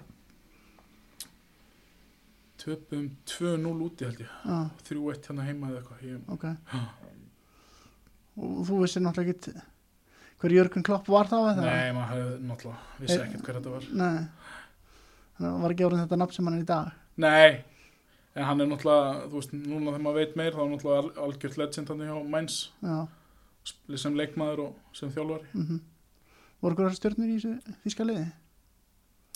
ekkert sem eru vel þekktir í dag það Já. var einhver uh, brassi á miðjunni sem ég man ekki hvað hann heitir hann var alveg, þú veist, stærsta stjarnan Var það að spila á mótum þeim? já, mann náttúrulega sá það að þeir voru tveim, þreim sekundum á undamanni í öllu sem við gerðum, skilur við, boltin var farin þegar við vorum komin í pressu og Mm. uh, fyndið að sjá hvað, þú veist hvað samt var stól munur hann Já. Og því þíska umgjörðin náttúrulega alveg einstaklega ekki? jú, jú, og eftir leik var náttúrulega sátum við niður bæði liðin og stuðnismenn mænsir með einhver svona eh, loka ritual fyrir eftir hverjum leik og og gaman að sjá það líka Já. Hvernig var það? að við sátum sníður og þá var eitthvað, einhver hróp fram og tilbaka og Já, við fengum síðan, keflaði gá okkur síðan leikin DFD eftir tímafél já ok. Var það hortan áttur? Nei, reyndar ekki, maður var kannski að gera það í dag Það er alltaf að nýta, nýta páskanu þetta Já, bara. einmitt Hérna, já. Uh, hérna heima var ná reyndar að þú ert að tala um stuðnismenn. Það voru svona stuðnismannahóparnar að koma upp hérna. Það voru svo gaman á vellinum. Keflækurhópurinn var Já, skemmtilegur. Púmasveitin var frábær Já, það það var eiginlega besti stuðnismann hópur á landinu já, á þeim tíma já. Var ekki gaman að kynast þessa stemningu, hún er ekki alveg til í dag. Nei, reyndar ekki, ég held að hún hefur náttúrulega náttúrulega keflaðið er ekki í efstu delt lengur ég veit ekki alveg hvernig þeir dóu út sko Svona, fóru að vera aðeins eldri já, já, það gerast Tómas þeirra hjá Oddi. flestum liðum, þetta svona Já. dó út já en mjög skemmtilegt að þetta er góða strákar og við samskiptum við það alltaf. já, maður náttúrulega þekki það alveg Já. skilur við. En þetta var svona samheldið milli liðs og, já, já, já, þeir voru náttúrulega oftast þegar við fórum voru náttúrulega duglegar að koma okkur áfram í þessi Evrópkeppnum sem maður var að spila allavega eitt, tvo Evrópuleiki þú veist, tvær umferðar á ári Mm. þannig að þá náttúrulega fóru þeir alltaf með okkur út já, og voru nánast sem að hótelið og já, já. náttúrulega maður kynntist þeim eitthvað Svo skemmtið ykkur með mig. það gerast einu sinni Nú sagði mér frá því. nei, nei, nei, við, eftir leikin við náttúrulega spilum átti mitt í land þannig Já, og eftir leikin þá skemmtuðu okkur þannig einhvers staðar í herning já, þú fyrir að Sama. spila á móti mitt til hann já, einmitt Já, hvernig var þetta fyrir þig? Það var náttúrulega mjög gaman að, þú veist, vinna á hérna heima Já, og náttúrulega ég og framkvæmtastjóri sem var ennþá framkvæmtastjóri þegar við spilum mótið náttúrulega ekkert bestu vinnur svo að en við vorum náttúrulega þeir ná að tróða hérna markinn í loka mínútum hann úti annars hefur við slegið það út sko mm. Og varstu eitthvað að tala við framstjóran? og- Nei, ég bara horfði á hann og hristi hausinn Já, einmitt. þið var svona svona pyrrar út, já. Já. já. Fyrstu ykkur uppröð? Nei, hann Mm. starði bara tilbaka og fór eitthvað Já, Þetta er náttúrulega algjör skítall af hverju það? Hann var náttúrulega hendur út úr úr sem félagið stuttur sinn Fyrir hvað? fyrir bara, ég veit það ekki alveg eh, þú veist, náttúrulega hagsmuna eigin hagsmunasekkur Mm. le, eh, þú veist, taka leikmenn og fekk okkur að borga var ég aðsam fyrir það eða eitthvað Já. Eitthvað sem hann er ekki veliðin í Danmark Hvað gerði hann þér? Hvað, af hverju er þú, þú svona ásættið? hann náttúrulega fekk mér, fekk mér hann á láni og, og þú veist, þar sem að ég fekk ekkert að vita það eru tveir aðrir gaurar að koma tilbaka Já, og það eitti hann halvu tímabili bara s- gera ekki raskat já. spila einhverju björdild þannig í, í Danmark En þú, þú setjast það svona meira á hann heldur en þjálfvaran. Eh, báða bara Já. Mm. Greinlega ósáttur. ha, já, ég meina, svona gerir maður ekki Nei, nei. maður þarf náttúrulega að fá forsendur áður en maður fer eitthvað Já. Herru, uh, ég er núna að fara svona út í, ég er svona svolítið undarlegt mál næst. Það er það sem ég myndum vilja kalla mesta rík sem hefur verið til í íslensku fótbolta, allavega það sem ég man eftir. Það er í að keflaðið, sem byrjar runni 9. júni 2006. já, Þá far þú rauðarspeldi í heimaleik. heimaleg, já, Já. já. Rifið þetta upp fyrir mér. Það ber ekki saman sögum hvað gerðist, en þú séð mér hvað gerðist. í þeim leik Já, okkur fyrstu rauðarspeldi. ég held ég hefði fekk gull spjald fyrir að gera eitthvað Já, og svo reyf ég kjátt við erlend dómara held ég fekk þá setna gulla þannig að þessar fréttir sem voru þarna eftir leik, annarkvort það hefur hrind leikmann eða tekið leikmann hálstæki, voru það ekki? tók nú aldrei leikmann hálstaki sko Nei. það hefði ég náttúrulega fengið beint rautt skilu Já, ég fekk náttúrulega gullt fyrir eitthvað atvik Já, svo fekk ég setna gulla fyrir að rífa kjátt já. Og Kristján Þjálfari fór sömu leið í kjölfarið. já, ég ma- var hann Hann reikin fekk rætt líka. Já, ok. Já, hann er svo rugglaður. Já, ég man, ég man bara ekkert, jú, öruglega, líklegast. Akkur var svona mikil rífur á milli sem liða? Ég er þetta svona litli, eða svona lítil bæjarfjóla, svona nokkuð svipið, Já, kannski bara menningin hérna, bara svipið og, þú veist, hart í hart bara. já. Fannst Ska, það? skagalið er náttúrulega erfitt að spila mótið þeim og ákveðin stemningi þeim náttúrulega, Mm. þeir náttúrulega keira, keirat upp og eru kessuglaðið þegar leikinni byrja, skilur, Já. aggressífir. Þá þarf maður náttúrulega Guðjón Þórðarsson þjálfaðan, hann hafði náttúrulega yfirgefi keflaðik Já. bara árið áður en þú kemur, bara gortri mót Ég held að þetta árið þegar ég kem. árið sem kemur, já, já. það hefur kannski eitthvað Það getur vel verið hlut af því að því ég veit að Keflæk var mjög ósátt með hvernig hann höndlaði þetta mál. mm, Hann, hann þeir greittu ekki á réttin tíma einhverja daga og hann notaði eitthvað sveigurum til að losa sig undir samningi til að komast út. já. Og varst þú hérna, var við þetta í undirbúningi fyrir leikin að Nei, alls ekki, þú veist, það er ekkit, þú veist, þetta var ekkit komið í eitthvað, við erum að vera að spila mútið skagan, ef við Nei. erum að gera allt vitt, þetta bara einhvern veginn var bara til í leikjunum, já, þessi, þessi, fyrir þessi leikinn, ríkur. já, einmitt. það er, þetta er þarna 2006 sem ég var að tala um Já, og í júli þarna þetta, bara mánuði setna rúmum þá, þá lendið þú nú í ykkur aðtökið þarna upp á skaga í byggaleg já, hvað var það? þá lendum við í þessu máli hérna sem að, sem að var í blöðunum hérna aftur á dögunum held ég Byrjar á því að hérna, Bjarni Guðjón Steklar rýtlaði ekki? Nei, þetta byrjar ekkert á því, þetta byrjar bara á því að sókna maður þeirra kemur inn á kólklikkaður og Hver það? alltaf hjortur Hjörstu Hjartar, já. já. og Var hann bara illa stendur eða? já, hann var kólvillast á bekknum og hann kom inn sko, öskrandi á alla og aðra og svo kom hann alltaf inn á og svo gerast þetta atvik og stuttu setna þá, þá fer ég út á meittur Já. en þú veist, það hefur verið að rifja þetta upp endalust Mm. en mér finnst mikilvægt að komi fram að ég kærði aldrei neitt nei.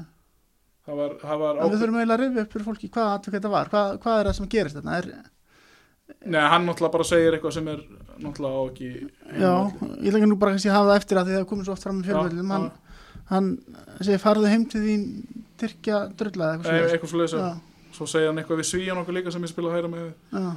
Af hverju? Var- Varstu þá búin að vera eitthvað gróð? Ég var ekkert grófur, hann, sem sagt, þetta byrjaði með bara það var innspark og ég stilli upp línun okkar Mm, og hann bakkar og bakkar og ég stend náttúrulega bara kyrr og hann bakkar bara inn í mig Já, og, og þá byrjar þetta þar já. En eins og ég segi, það- eins og ég mikilvægt að ég, ég kerði þetta ekki Nei, veit, að því að skagamann, ge- nei, keflinga gera það eftir leik, eða ekki? Það er einhver starfsmann, ég veit ekki Já, hver nei, en, en við tókum bara ákvörun já, ég og kepla ekki, ég, eins og ég er bara sjálfur ég, það sem gerist á vellin mér á vellin já, eins og, eins og kom fram þá ég tjáði mig aldrei í fjölnum eftir Mm. hann leik nei, mitt. ég og Ásmundur F- Friðriks nú er þetta þingmaður, Mm, þá var þetta for- hérna, frangatistjóri kepla ekki, mm, skifum bara skýst, skýslu, já. skilum hennin til KSI og, og, og það er bara það sem ég hef að segja um það mál En varstu sárvegur að þetta var sagt við þig? nei, nei, nei, þú veist ég hef verið kallið allan fjandan hann út í Malmö skilur við, Mm. Þú varstu allir vanur bara? já, já, en þú veist þetta er ekkert sem að fer í taugarnar á mér Nei, notaður svona sjálfur kannski til þess að ná mannum upp, eða? kannski ekki rasismu, já Nei, en, en svona, Eh, þú að, veist, jú, jú, maður var náttúrulega heiturinn á vellinum og ef að, og, þú veist það er ákveður kjaftur í manni en Já. ef að alltaf að fara að skrá eitthvað sem er sagt inn á vellinum Já. eftir hvert leik Mm. þá er náttúrulega margir leikmenn í banni eftir hvert leik já, og ég er ekki, ég er ekki maður sem fer og vælir eftir leik að einhver sagði eitthvað við mig nei. en nú skýt saman hvað er sagt um mig En það varð samt þarna, kastljós þáttur um þetta og allt. mér var ekki bóðið þann þátt Var ekki búið í þáttinu Nei. eins og, Hjörtur kemur þar? já, já, en eins og ég segi við, ég og knarsböldi kefli við vildum ekkert reka máli í fjölmjölum Nei, og, og meðan það leið varðla svo dagar hinn aðalega málsins byrtist þar daglega með mismunandi útgáfur í sinni hlið já, og, og endanum grunum með að, að ég hafi tapað þessu nálgun hjá mér en ég náttúrulega bara vildi vera samkvæmur sjálfur mér þá tapa og vil ekki tjá þig. já, Já, og þá veist, mann úr mitt náttúrulega þú veist, meðan hann var að tjá sig í fjölmjölum já. og ég held kjafti hann náttúrulega fegraði sína hlið skilur En hvað hefur þú viljað segja? eins og ég segi í dag, ég, ég ætla ekki að tjá mig mér Nei, frekar. ekki enda. Nei, en þú veist ég, ha- Hann verður náttúrulega að gera upp við sig hvort að það hafi rétt að blása þetta svona upp í fjölmiðlum Já, en mig grunum svo að hann sé sammála að sagan hefur sínt að þannig ákvæmst að sé mjög, saldan hennu góða og mjög, og mjög skadandi Mm. Svo kemur Danni Hjaltarsson þarna líka og hann sé, talar líka um að þú hafa verið grófur.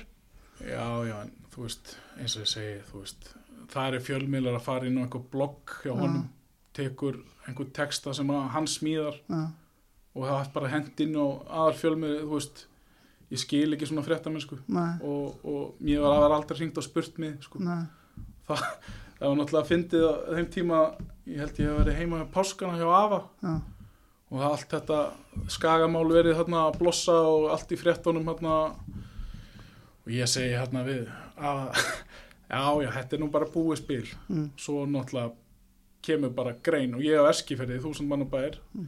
kemur bara fyrirsvögn og vísi hérna, ég ætlaði að drepa hann á bílastæðinu, það var nú ekki gaman að vera á Eskifjörði þann dag. já, það var að tala um að þú hafi sagt þetta Já. við Daniel. Já. Já. Gerðu það? Nei, Nei.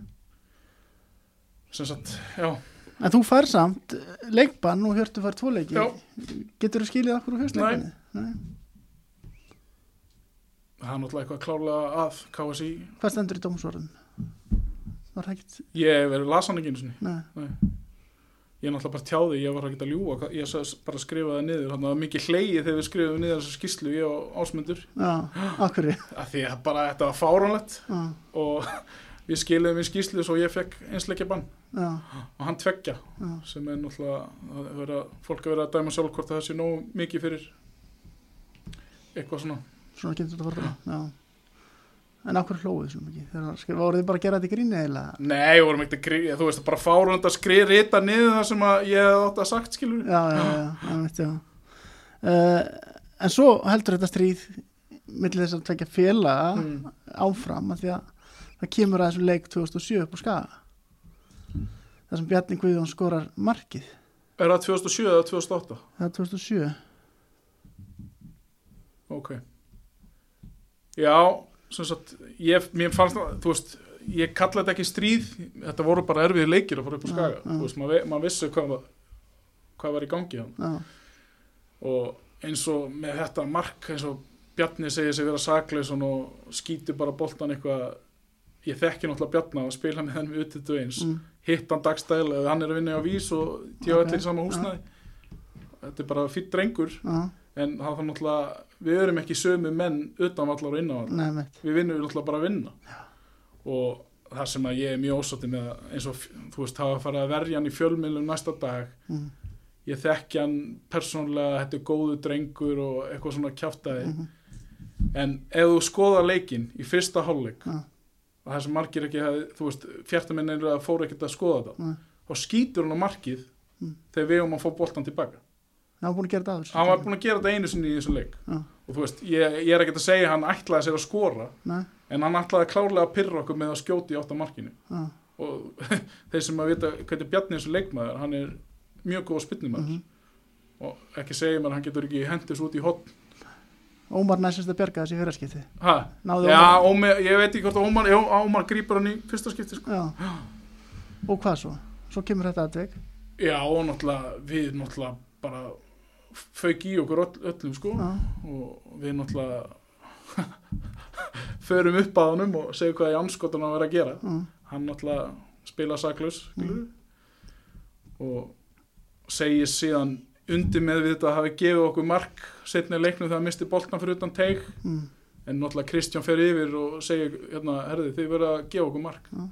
og þau var neitað svo að Og bjóst ekki við því að það myndi gera það samt þegar að miðjan var tekinu ég veit það ekki, það var svo það var allt í rugglinu þarna, ég var ekkert að hugsa Nei og hérna, það verður rosa læti þarna Einar Röri kemur inn á já, hann fær örgulega raut fyrir að takla já, björna já, heldur hann hafi verið með þessi skilabóðum að taka hann út nei, alls ekki Nei. Og sko, Einar orri móti. eins og þú þekkir og séð nokkur ár setna, hann er náttúrulega skaphóndur og, Já, veit. og ég líka alveg en Kristján Guðmundsson ég þekki hann mjög vel og hann segir ekki við leikmenn ferðin og takta hann út Nei. eins og hann var ásakaður það er náttúrulega bara fáránlegt Já. en þú, hvernig var skapið að þeir út ennileg það var bara nokkuð við, það var menn aðeins heitar ég í þessu leik ok, mann náttúrulega þroskast já, og og mann var að fara nú svona sína ágjönd, ágjönd þroska hann já, sérstaklega eitthvað sem að eða, þú veist eftir þessi atvik sem það gerst þarna áður já, en Bjarki Guðmunds eldi sem sagt Bjarka inn í klefa hann- björna og það er, þú veist svo veit ég ekki meir varst þú komin hann upp yfir þegar að ég var hann inni þegar allt var að gerast já. en ég gerði ekki neitt, ég fór bara inn í klefa síðan náðu þið nokkuð til hans, voru ekki bara lokað nei, nei, inni? hann var bara lestur inni já, en hvernig var svo voru þið lengi þarna bókarins eftir ennileg nei, nei, við náðu menn sér niður, nei, mann náði sér ekkert niður, skilur við. ég hef bara ekki gert það ennþá jú, jú, þetta er náttúrulega löngu liðin tíð en Mm. náttúrulega, náttúrulega fyrir taugatunum þegar maður horfir á þetta já. það er alltaf verið að rifja þetta upp en þeir eru að vinna í, í sama húsi segir og já, já, þið hljótið að hafa rætt þetta eftir hann nei, Aldrei? Nei. Af hverju?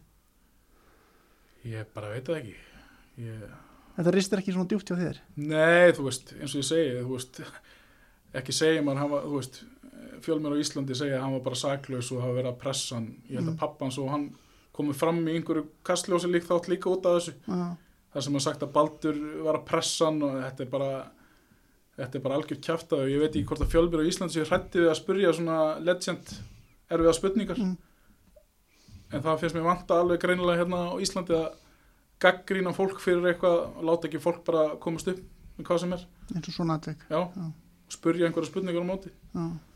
Eitthvað meira sem að finnst vant að hjóleis, fleiri atvik sem að nei, ekkert það er bara mín skoðan og þú veist, mann þarf, menn þurfa að, að því þetta er lítið land Mm. fólk að hittast og ákveðin, ákveðin fréttamenn sem að fylgjast með liðin, þeir þurfa náttúrulega að vera ákveðin, að, þú veist, þóra að spyrja þjálfara og, og leikmenn Mhm. og gagnrýna það meir, já, þótt að þeir þekkjast kannski jafnvel já, og kannski fá ekki sömu svör eftir að þú spyr erfiða spurningaskilur mm. Mm. þú vilt svona meira svona s- sænskari fréttamennsku já, ég meina, sví, þú veist þú ert gaggríndu bara já, þú ert þarft að svara fyrir því, þú ert íþróttamæður já, og þá þarftu líka að svara fyrir það sem þú ert að gera þótt að fjölmjöla þurfa alltaf ekki geta geta alltaf verið sammála leikmann eða þjálfara Nei. við eitthvað atvik það er mitt Varst þú sjálfur grófur eða? ég myndi ekki kalla mig gróan en ég spilaði náttúrulega fast Já, og náttúrulega ef að ég lendi ykkur í atviku þá bara náttúrulega svara maður bara fyrir sér inn á vellin já, mitt Svo kemur setni leikurinn hann á móti skafanum mm. þá var nú bara Ísland undir bara og menn voru bara að búast við einhverju stríði en þetta var voða rólegt hvaða leikur? setni leikurinn þetta tímbil eftir já, leikurinn heima í Keflavík menn verður greinlónu þreyttir á þessu bara já, er það vinnaðir 1-0 eða?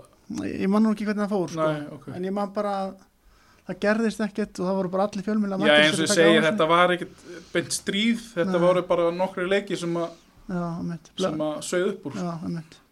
það var ekkert sérstaklega að tala við ykkur fyrir hann að leika ha, ykkur, Nei, nei, nei, alls ekki nei. þið fóru bara í þessu Venjuleg- annar leik Venjuleg leikur já, einmitt eftir þetta tímbil þá færð þú möguleika á að fara til Tyrklands eða ekki Jú, ég fer sem sagt það það er tyrknuskur umbósmaður sem að kíkir á mittjölandleikina já, og býði mér út þar sem að ég æfi með fjöla hann í afstöld Mm. Kasimpasa sem er í Istanbul hvernig gekk það þar sem að, þú veist, Quaresma og fullt af svona leikmennum Andreas Ísaksson, gammal landslæðar voru hann líka á sama tíma ekki sama tíma, Nei. Ryan Babel setna mér ok, og ég fer hann út og náttúrulega típist þegar ég mæti þá var náttúrulega búið að reka þjálfurinn degin undan já, bara þegar þú varst í flugvilinu og leiðin út já, Já. svo að hann náttúrulega bara er búið um leið og ég kom út ég æfið Já. hann einhverjum nokkar daga svo náttúrulega gerist ekki neitt Nei. Þú leistu vel á að fara til Tyrklands Þú ert ég veit náttúrulega- að ég hafði þetta alltaf náttúrulega í hausnum á mér að þú veist mjöð, mjöðminn á mér skilur Já, hvernig á ég að þú veist ég get spilað eitt, tvo leiki og svo þú veist kannski þar ég enduræfingu Já. það, ég var alltaf með það svona í hausnum á mér Þú talar náttúrulega tungumálið eða ekki eða hvað? nei, Þú talar það ekki? nei Kom það aldrei til í, í uppeldinu? Jú, ég var náttúrulega byrjaðar eitthvað lítið, eða, þú veist, þegar ég var á Eskifirði. Já, Náttúrulega pappi var sjómaður á þeim tíma og kannski var úti einhverju túrum að misti þetta náttúrulega. já, Hann þurfti náttúrulega að vera mm, með manni. já, já, já. Leistu hann ekki vel á, þú, þú fengið ekki fyrir að æfa til Tyrklandi? Jú, jú, hann var alveg spenntið fyrir þessu. Já, En náttúrulega eins og ég segi þá datta bara já, mitt. niður um leið og ég kom út. Og þá kemur þú bara heim og Já, þið farið til Tyrklands samt í æfingaferðið ekki? Jú. Já, voruð þið eftir? hvað séru? Voruð þið eftir eða eitthvað slúlega þess að? Jú, 2008? jú, förum hann með... Hvernig hérna, kom það til? Hafið þú hvað að segja í því? Nei, nei, alls ekki. Mm. Það er bara stjórnum sem ákvaða það. Já. Menn töluðum að þú var farið með á einhverjar æfintýraferðir hann samt til Antalja. Já, við leiðum einhver bíl til að komast í einhverja, eitthvað mól Já, og það, þú veist, umferðin hann er í algjör ruggli svo Gummi Steinars að þeir voru í bílnum hann að stríða mér meðan ég var að, reyna að finna einhvern, einhver bílastæð já. og það var nú ekki flóknar en það Það var ekkert meira vesinn en það. Nei, nei, En þetta tímabil er eh, rosalegt tímabil, þetta er besta tímabil keflaðugur á á þessari öld allavega. já, Þú lengur að vera leita.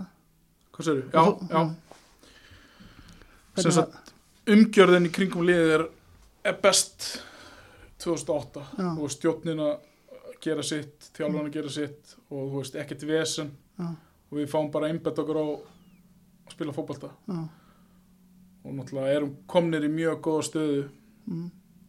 og eins og ég segi, við ná- náum bara ekki að klára Það eru þarna þetta er tvö- náttúrulega, tvær umferður eftir og þeir eru með við töpum átti FH úti 3-2 bara í úrslita leik nánast varst þú ekki með þá? Nei, meittur? mittur. Já. Ég spila bara 11 11 leiki þetta tímpil. Hvað varst þá bara í stúkunni? eða? Já, Já.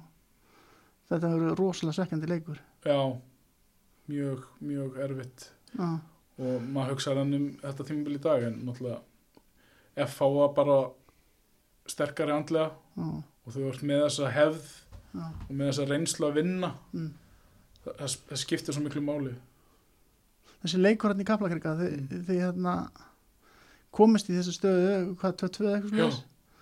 Og þá er eins og menn hafi bara fagnat titli. Ég veit nú ekki alveg, Það var rosa mikill fagnuður hann. já ég mann valla eftir þessu, ég Nei. mann bara eftir að þau skoruðu þrjú tvö. Já, svekkjandi. Já, mjög svekkjandi. En þetta var samt í ykkar hendu, höndum áfram. Jú, jú, við náttúrulega gátum klárað þetta heima á móti fram Já, en eins og segja, ég spilaði ekki þann leik og við Nei. náðum ekki að klára. nei. Rosalega gott lið sem þú áttu á þessum tíma. Já. Við vorum hann með Baldur og Hallgrim Jóns, Kenneth var hann líka, Nikolai, vinstri bak, jú, mjög gott lið. Áttu möguleika fyrir framleikin, þá eigið möguleika á að verða svona sófameistara. Já, F fór að spila já, breyðablíkum í Rúgu. einmitt. Hvað gerðu þið þá þegar sáleikur fór fram? Við náttúrulega horfðum á hann bara. Já, allir saman. Já, Já, en sem að mín skoðin í dag, að við áttum að gefa skíti í hann horfanleik, já. Áttu að fara bara út á æfingu fyrir Já. ef við náttúrulega æðum eftir þetta, Já, skiljum. en eins og, já, ég hef ekki persónulega hort á hann leik nei, áhver ekki. mér finnst það bara að setja óþara að þú veist, við erum með þetta í okkar eigin hö- þú veist, höndum, Já. þá hefur við ekki þurfa að horfa á einhvern leik sem að við hefum að gera þetta bara sjálfur skilju, þó skýt saman hvernig þessi leikur endar Já, mér. Og voru menn svo eftir, eftir, eftir að þessi tímbili leikur, það eftir hennar framleik. já, þetta var náttúrulega Erfiði dagur. erfið dagur en þú veist, við náttúrulega komum saman um kvöldu og fögnum tímabilinu skilju en þetta situr ennþá í mér sem svona stærsta svona eftirsjáu tímabilinu að hafa ekki unni Íslandsmestrat Já. Og ákveður eftir tímbilið að fara allir vals. já, Hvernig gerist það? Þeir Akkur- reynda að fá mig 2000 og ára undan Já, það datt út, út upp fyrir sig Mm. en þú veist þá erum við komið bara á lokametur og ég er mikið meittur já, og ég segi bara ég er náttúrulega bí í bænum já, og það var bara komin ákveðin svona ákveðin bara tíma til að skipta yfir í eitthvað nýtt mm. Og þú samt svona, þú valdir eiginlega erfiðustu áskorunina, Alli Sveitn, Reyni Leós, Kristján Haugs og Einar Martins er allir hérna fyrir. já, Fjórum miðverðir og þú ætlar að bætast við sem hindi. já en svo var reyndar alltaf hann að spila með á miðjunni sem ég var ekki tótt með Þú vildi að gera það, það Já. var viljum eða ekki. Já, en eins og ég segi með, með þú veist ég náði ekkert að hlaupa viti næ, og er mín besta stað er hafsend já. Spilaði eitthvað með þinni þá? Já, ég spilaði einhverju leiki, já. Já. Og gekk það ekkert vel hjá þér? Já, en persónulega nei. Nei. Hvernig var að vera hjá Val? Þetta var náttúrulega, Já, það var þetta var ekki gott náttúrulega tímbil. ákveðin svona ákveðin svona þú veist, við erum að, ef þú kíkir á einstaklingan þá var þetta náttúrulega stertlið Mm. en við smelt, smeltum bara ekkert saman og, og viljum látum fara þarna Já, og ákveðin bara vantaði sjálfströst í menn og þetta tímabil eiginlega bara glataðist. já. Hvernig var að spila fyrir viljum? Ég er náttúrulega þetta var mitt fyrsta eina tímabil viljum, ég, Já. mér fannst það fínt Já. en Hver kemur svo stæði? Alli Eðvalds, Já, já. klára tímbili. þannig verður gaman að fá að kynast tílætt sem það. Já, jú, jú. Hvernig, Nei, hann breytt hann náttúrulega, miklu eða? hann náttúrulega æfingarlega síðan þá fór hann náttúrulega bara í basic æfingar og, og reynda að brjóta þetta alveg, alveg niður í basic, Já. bara uh, fæslur og svona dæmi til að klára tímabilið, skilur við, Já. fá okkur að Það þú veist, við, ég held að við vorum komin í ákveða, ég veit ekki hvort við vorum komin í fallbarátti bent, en við lendi, lendum í áttundasæti held ég. Já.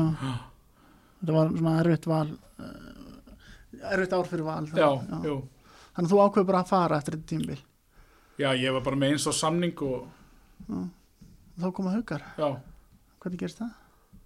ég var náttúrulega að vinna með Porsa, heimið Porsa Mm. hjá Djöfell Mm.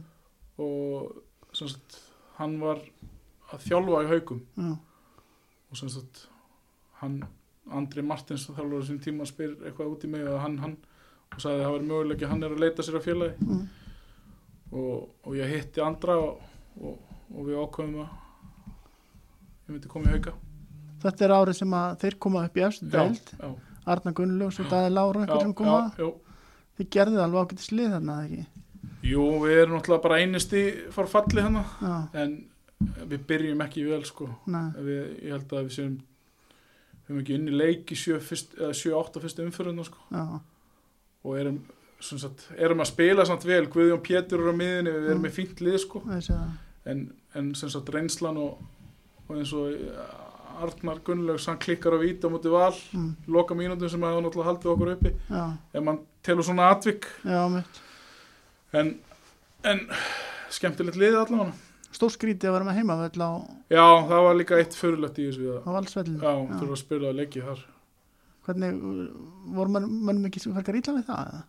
það er ekki ítla við það en þú, veist, þú finnur náttúrulega að þú ert ekkert að spila, spila heima Næ, haffyrringar er ekki mikið fyrir að fara bara inn í Reykjavík almennt, nei, alls ekki þannig að og var ekki mikið af fólki sem kannski endilega allt ykkur stúkun eins og... jú, jú, já, það var alveg fín svona stuðningu líka sko. Ok, en þú veist, þú ert ekkert að spila heimavilli og spila rauðurum villi næ, það er bara svipað þegar Valur þú veist, einhver, einhver ár þegar ég kom hérna heim og spilaði við Val á laugadagsvelli Já, minni mig þá var verið að vera að byggja já, Þetta fólk- skiptum völl, já. já, Það var svolítið skrítið fyrir liða þurfa að vera í- á öðrum völlum. já, En þið fallið þá bara að fara í, í fyrstöldina. já.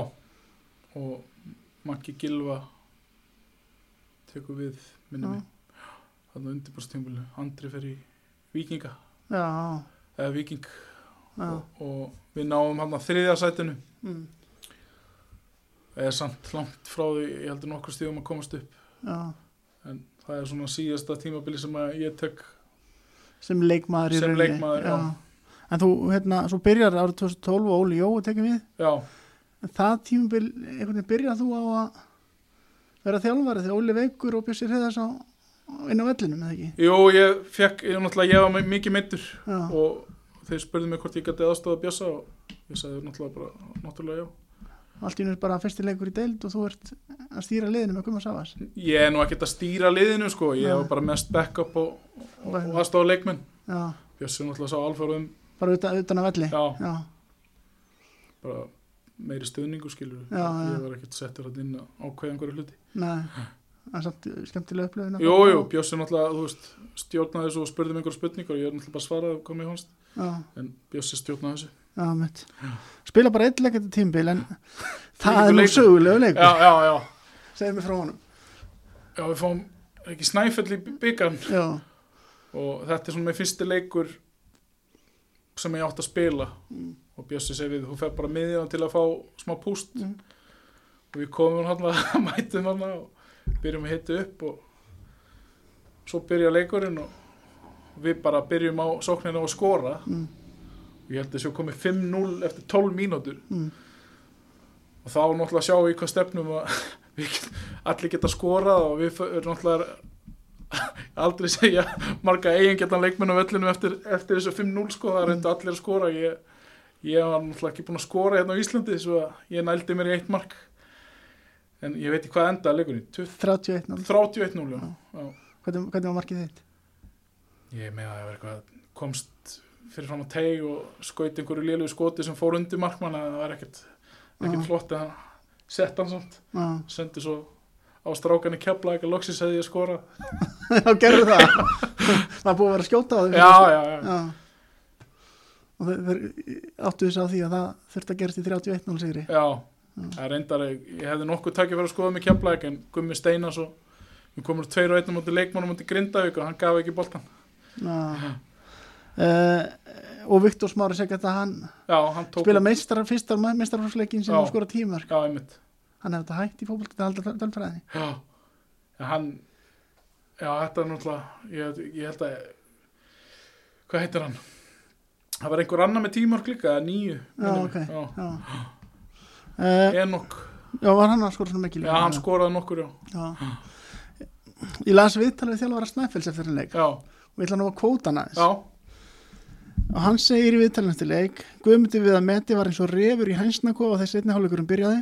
Hann óða alltaf upp frá miðinni gegn þrýðningsspil og sendi á einhvern sem skoraði. já. Þú varst eins og það alveg maðurinn. Það er greinilega.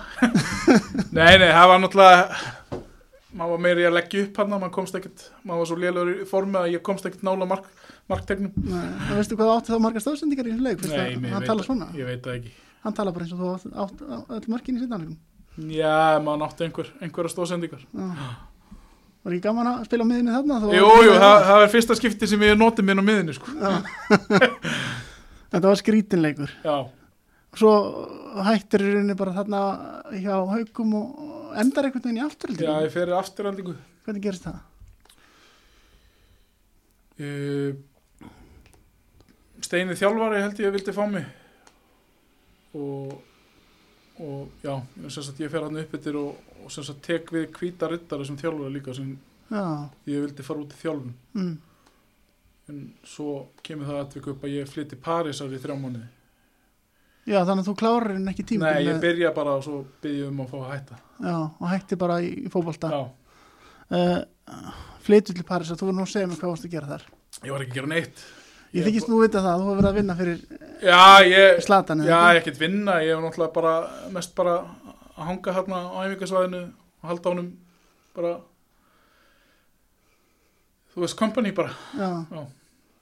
En varstu, já ok, í, í svona sögurna sem maður heyrði að þú hafi verið komin í svona vinnu sem ykkur aðstofamæður í honum. Nei, ég var nú ekkert aðstofma Jú, ég hef náttúrulega hjálpað með börnin og skutlað þeim í skólan og, og Já. þú veist, smá að vera með strákanum þegar þurfti hann þetta að fara eitthvað Já, varstu bara í per. Já, greinlega, já Varstu, varstu þar lengi eða? Ég var í þrjá mánuð Já. Ég var náttúrulega í, í hérna, smá frí hérna á Íslandi og og ákvað að flytja út Já. þrjá mánuð aðstofan meðan hann Hvernig, þurfti smá hjálp. hvernig kom þetta upp? Hann spurði mig bara, ertu til í að koma nokkur mánu í það smá aðstof hérna með krakkana og Já. ég sagði bara, já, ég hef ekkert. Hafðu þið þá bara haldið sambandi í allir sár? Já, Já. við, sem sagt, ég heyr ekki í honum daglega Nei. en þú veist, einu svona mánuði og svo byrjum við bara þegar við hittumst það sem við hættum síðan, Já. skiljum. Má þú segja að þið séu bestu vinnir eða? Kanski ekki bestu vinir en við erum góði félagir, við erum Já. náttúrulega, þetta er einn, við erum náttúrulega þekkt hann í bráðum, já, 30 ár. Já. Þú ætla að vera þörtur. Já. Og hefur all, alltaf farið út til hans og gíkt og leiki? Já, svona einu svona ári, Eins og ári, já. einu svona tvis ári. Og gistið það bara hjá honum og... Já. Já. Hann nú- var pláss allan. Já. Það var ekki orðið eitthvað upp og komur í þeim ferðum? Nei, nei, hann er náttúrulega mikið heima hjá sér og það er ekkert spennandi að gerast. Ég mun samt heyrt einhverju upp og komur. Já, og ég ætla að spyrja út í allavega tvær ok. eitthvað kvöldið endaði þú á þur, þá verður vantilega verið hjá, hann hefur verið hjá Mílan Já, að útskýra verðtrygginguna fyrir Gennar og Gattuso já, segð mér frá því já hann var eitthvað að útskýra, hann var eitthvað að se- segja, hann var með einhverja prósendur okkur í láni þarna já, og þá, þá spurði hann mér út í Ísland og ég sagði hversu fárunlegt það er þá ég vissi ekki hvað ertringi var þegar ég flutti hingað heim. nei, Ég er náttúrulega þegar og- við ke- ég og Erna kaupum okkur fyrsta íbúð. Mm. Þá er mér ekkert sagt frá hvað verðtrygging er, ég skrifa bara undir eitthvað lán og ég held náttúrulega bara eins og í Svíþjóð, þegar þú borgar á láni, Mm. þá, þá, þá lækkar það, þú veist, næsta mánu skilur. mm, Svo sé ég hérna eftir nokkra mánu að, þú veist, lánið er þúsukalli meira og tvöðuskall, ég segi, hvað er, hvað er í gangi hérna? Já, þetta er verðtryggt lán. Mm. Ég segi, hvað er það?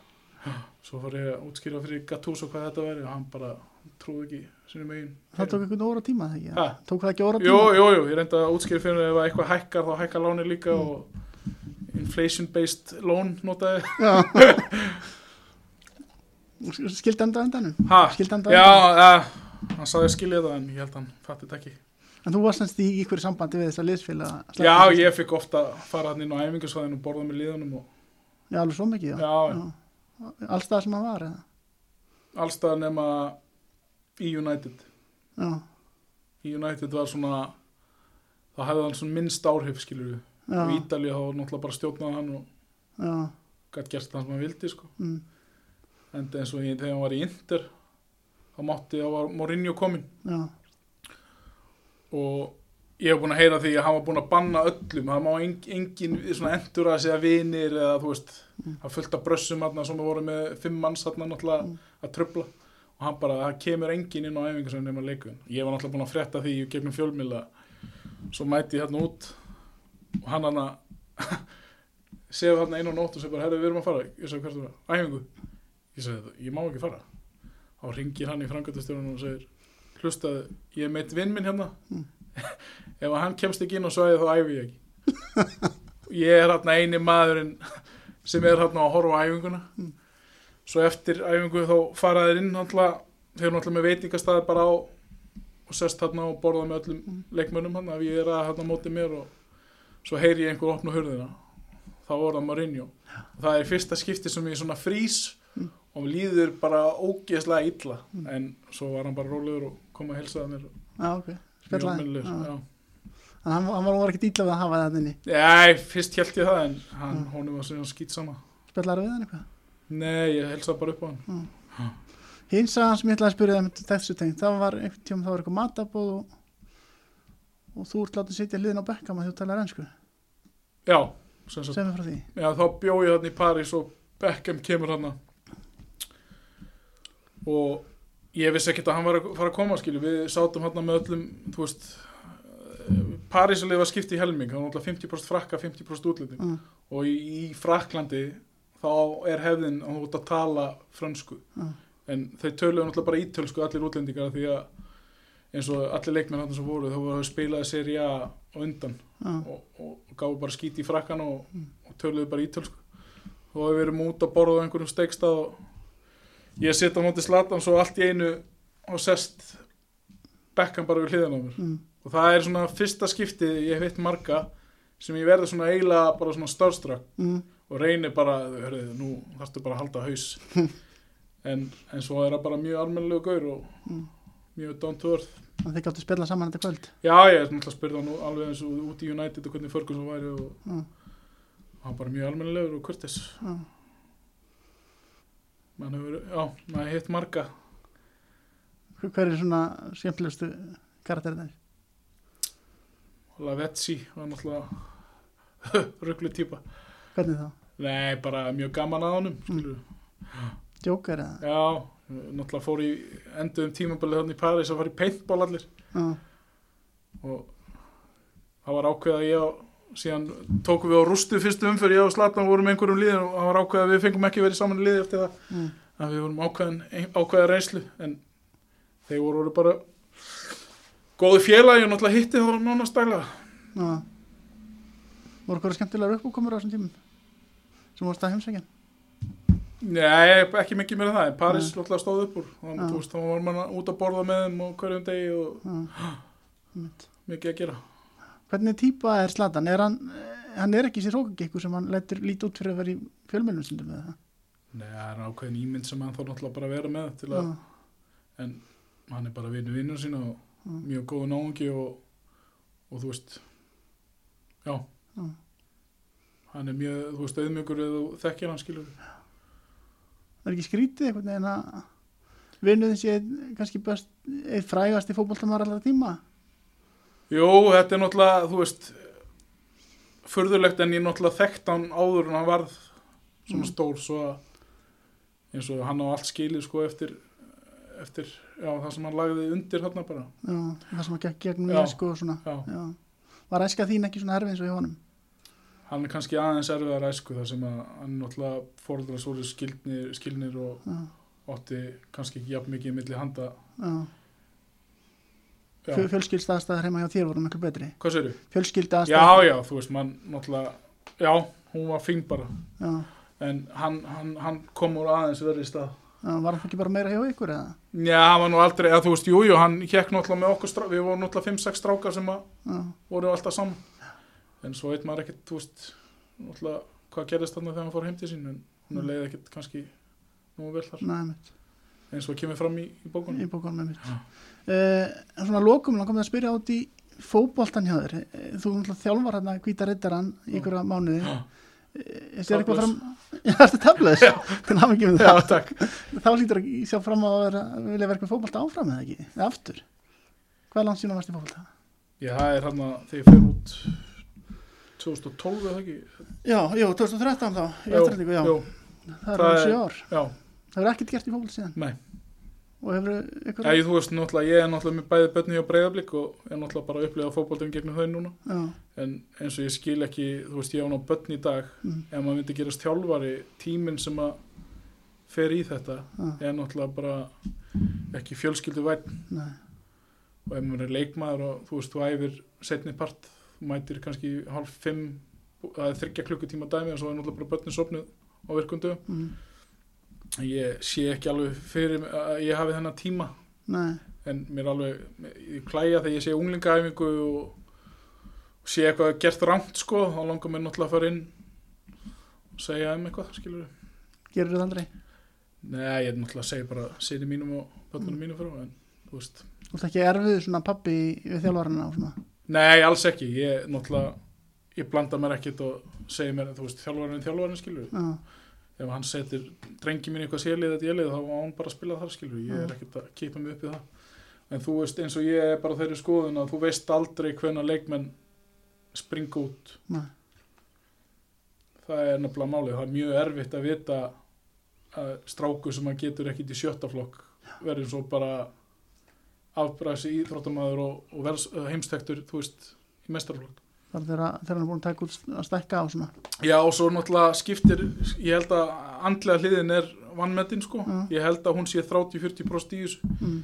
að, þú veist, vera með markmið og, þú veist, þessa andlegu hliðið að geta brotn ekki niður, En þú ætlar ekki að fara að þjálfa ekki eins og hérna, Konaðin er fyrirvendir landslískona, Já. Erna Björk Já. Sigurðardóttir Er þá talað eitthvað mikið um annan fótbolta á heimilinu? eða? jú, jú, hún, hún er ekkit mikið að fylgjast með boltanum í dag, en, en náttúrulega, hún átti nú aðeins betri fyrir en ég, ef ég, hún er náttúrulega með 34 eða eitthvað á landsleiki Mhm, og hefði náttúrulega verið 100 eitthvað ef hún ekki slitið fjögur krossbund. Já, en en náttúrulega við setjum náttúrulega bæði börnin í fótbolta og svo við ræðum ekkert fótbolta dagstæglega heima nei. Nei. nei, ég er mikið komið ég horfið allar fótbolta í dag en börnin eru þá vantilega með einhverja hæfileika ef þau eru með svona fóreldra já eins og stelpa mín er mjög dugleg hún er 6 ára Já, en strákurinn er aðeins setna stað en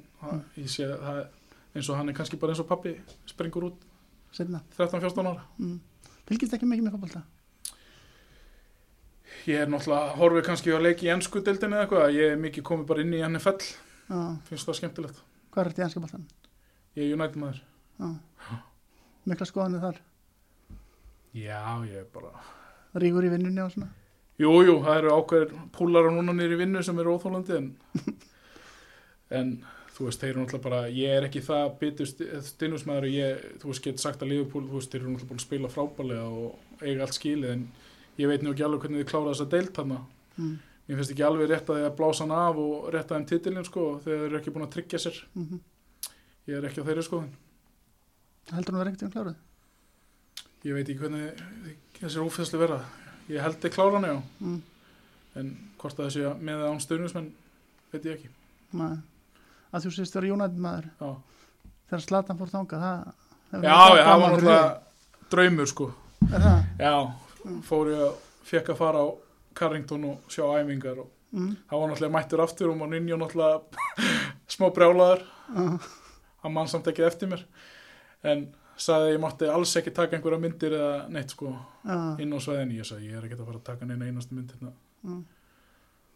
bara sérstaklega einhvern dýraverði að fylgjast með mér hann einhver security dýtin hafa hann áhengir að þig kallin Já, þetta var náttúrulega viðkvæmt gekk ekki nógu vel sko já, varst þú eins og, eins og hjá Inter þá einu maður sem fekk að koma inn á svæðið eða? Já, ég er einn annan félagi, við vorum bara tveir já, og svona, já var ekki gaman að fá að sjá jú, Varstu jú, í jú, félaginu? jú, jú, jú. Rúni var hann ennþá náttúrulega Slatan gaf mér náttúrulega hérna Rúni treyði hann einhverjum góðgerðarleik 2000 sem hann spilaði 2008 Mm. svo að ég átti treyjuna já, og ég hugsaði alltaf hvernig ég anskotna að fá hann árita já, og þá tók ég hana með ok hendin í Slatan sem við guðanabænum áritan og fyrir mig það gekk alveg Já, já, komið með hana mm.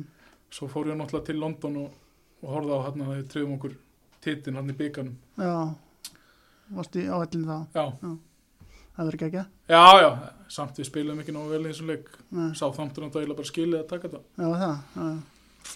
að þú talar um það og það var ekki mátt taka myndir með eh, leikmönnum þarna. já, þú hefur nú gert eitthvað að því samt í gegnum hérna, já ég, þú veist, ég er þú veist, eins og mann heldur náttúrulega kúlunni þegar þú ert, þú veist, maður má ekki vera eins og einhver bara fanatic stuðnismæður en ég hef valið nokkra leikmenn Hver er? Eins og Ég, ég náttúrulega ég vendust þá, þá tek ég mynd með einhverja Capello, Nedved og, og hérna Del Piero Mm.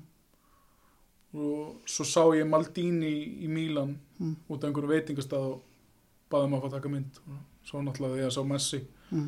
maður getur ekki hafnað því Nei, talar eitthvað annars, annars er ég ekkert með mikið fleiri við hann? Nei, Nei, ég tala nú ekkert mikið um hann, hann er nú ekki góður í ennskunni heldur. nei, mitt. Herri, ég þakka fyrir að koma og Já, spila það mig. takk hérlega fyrir mig.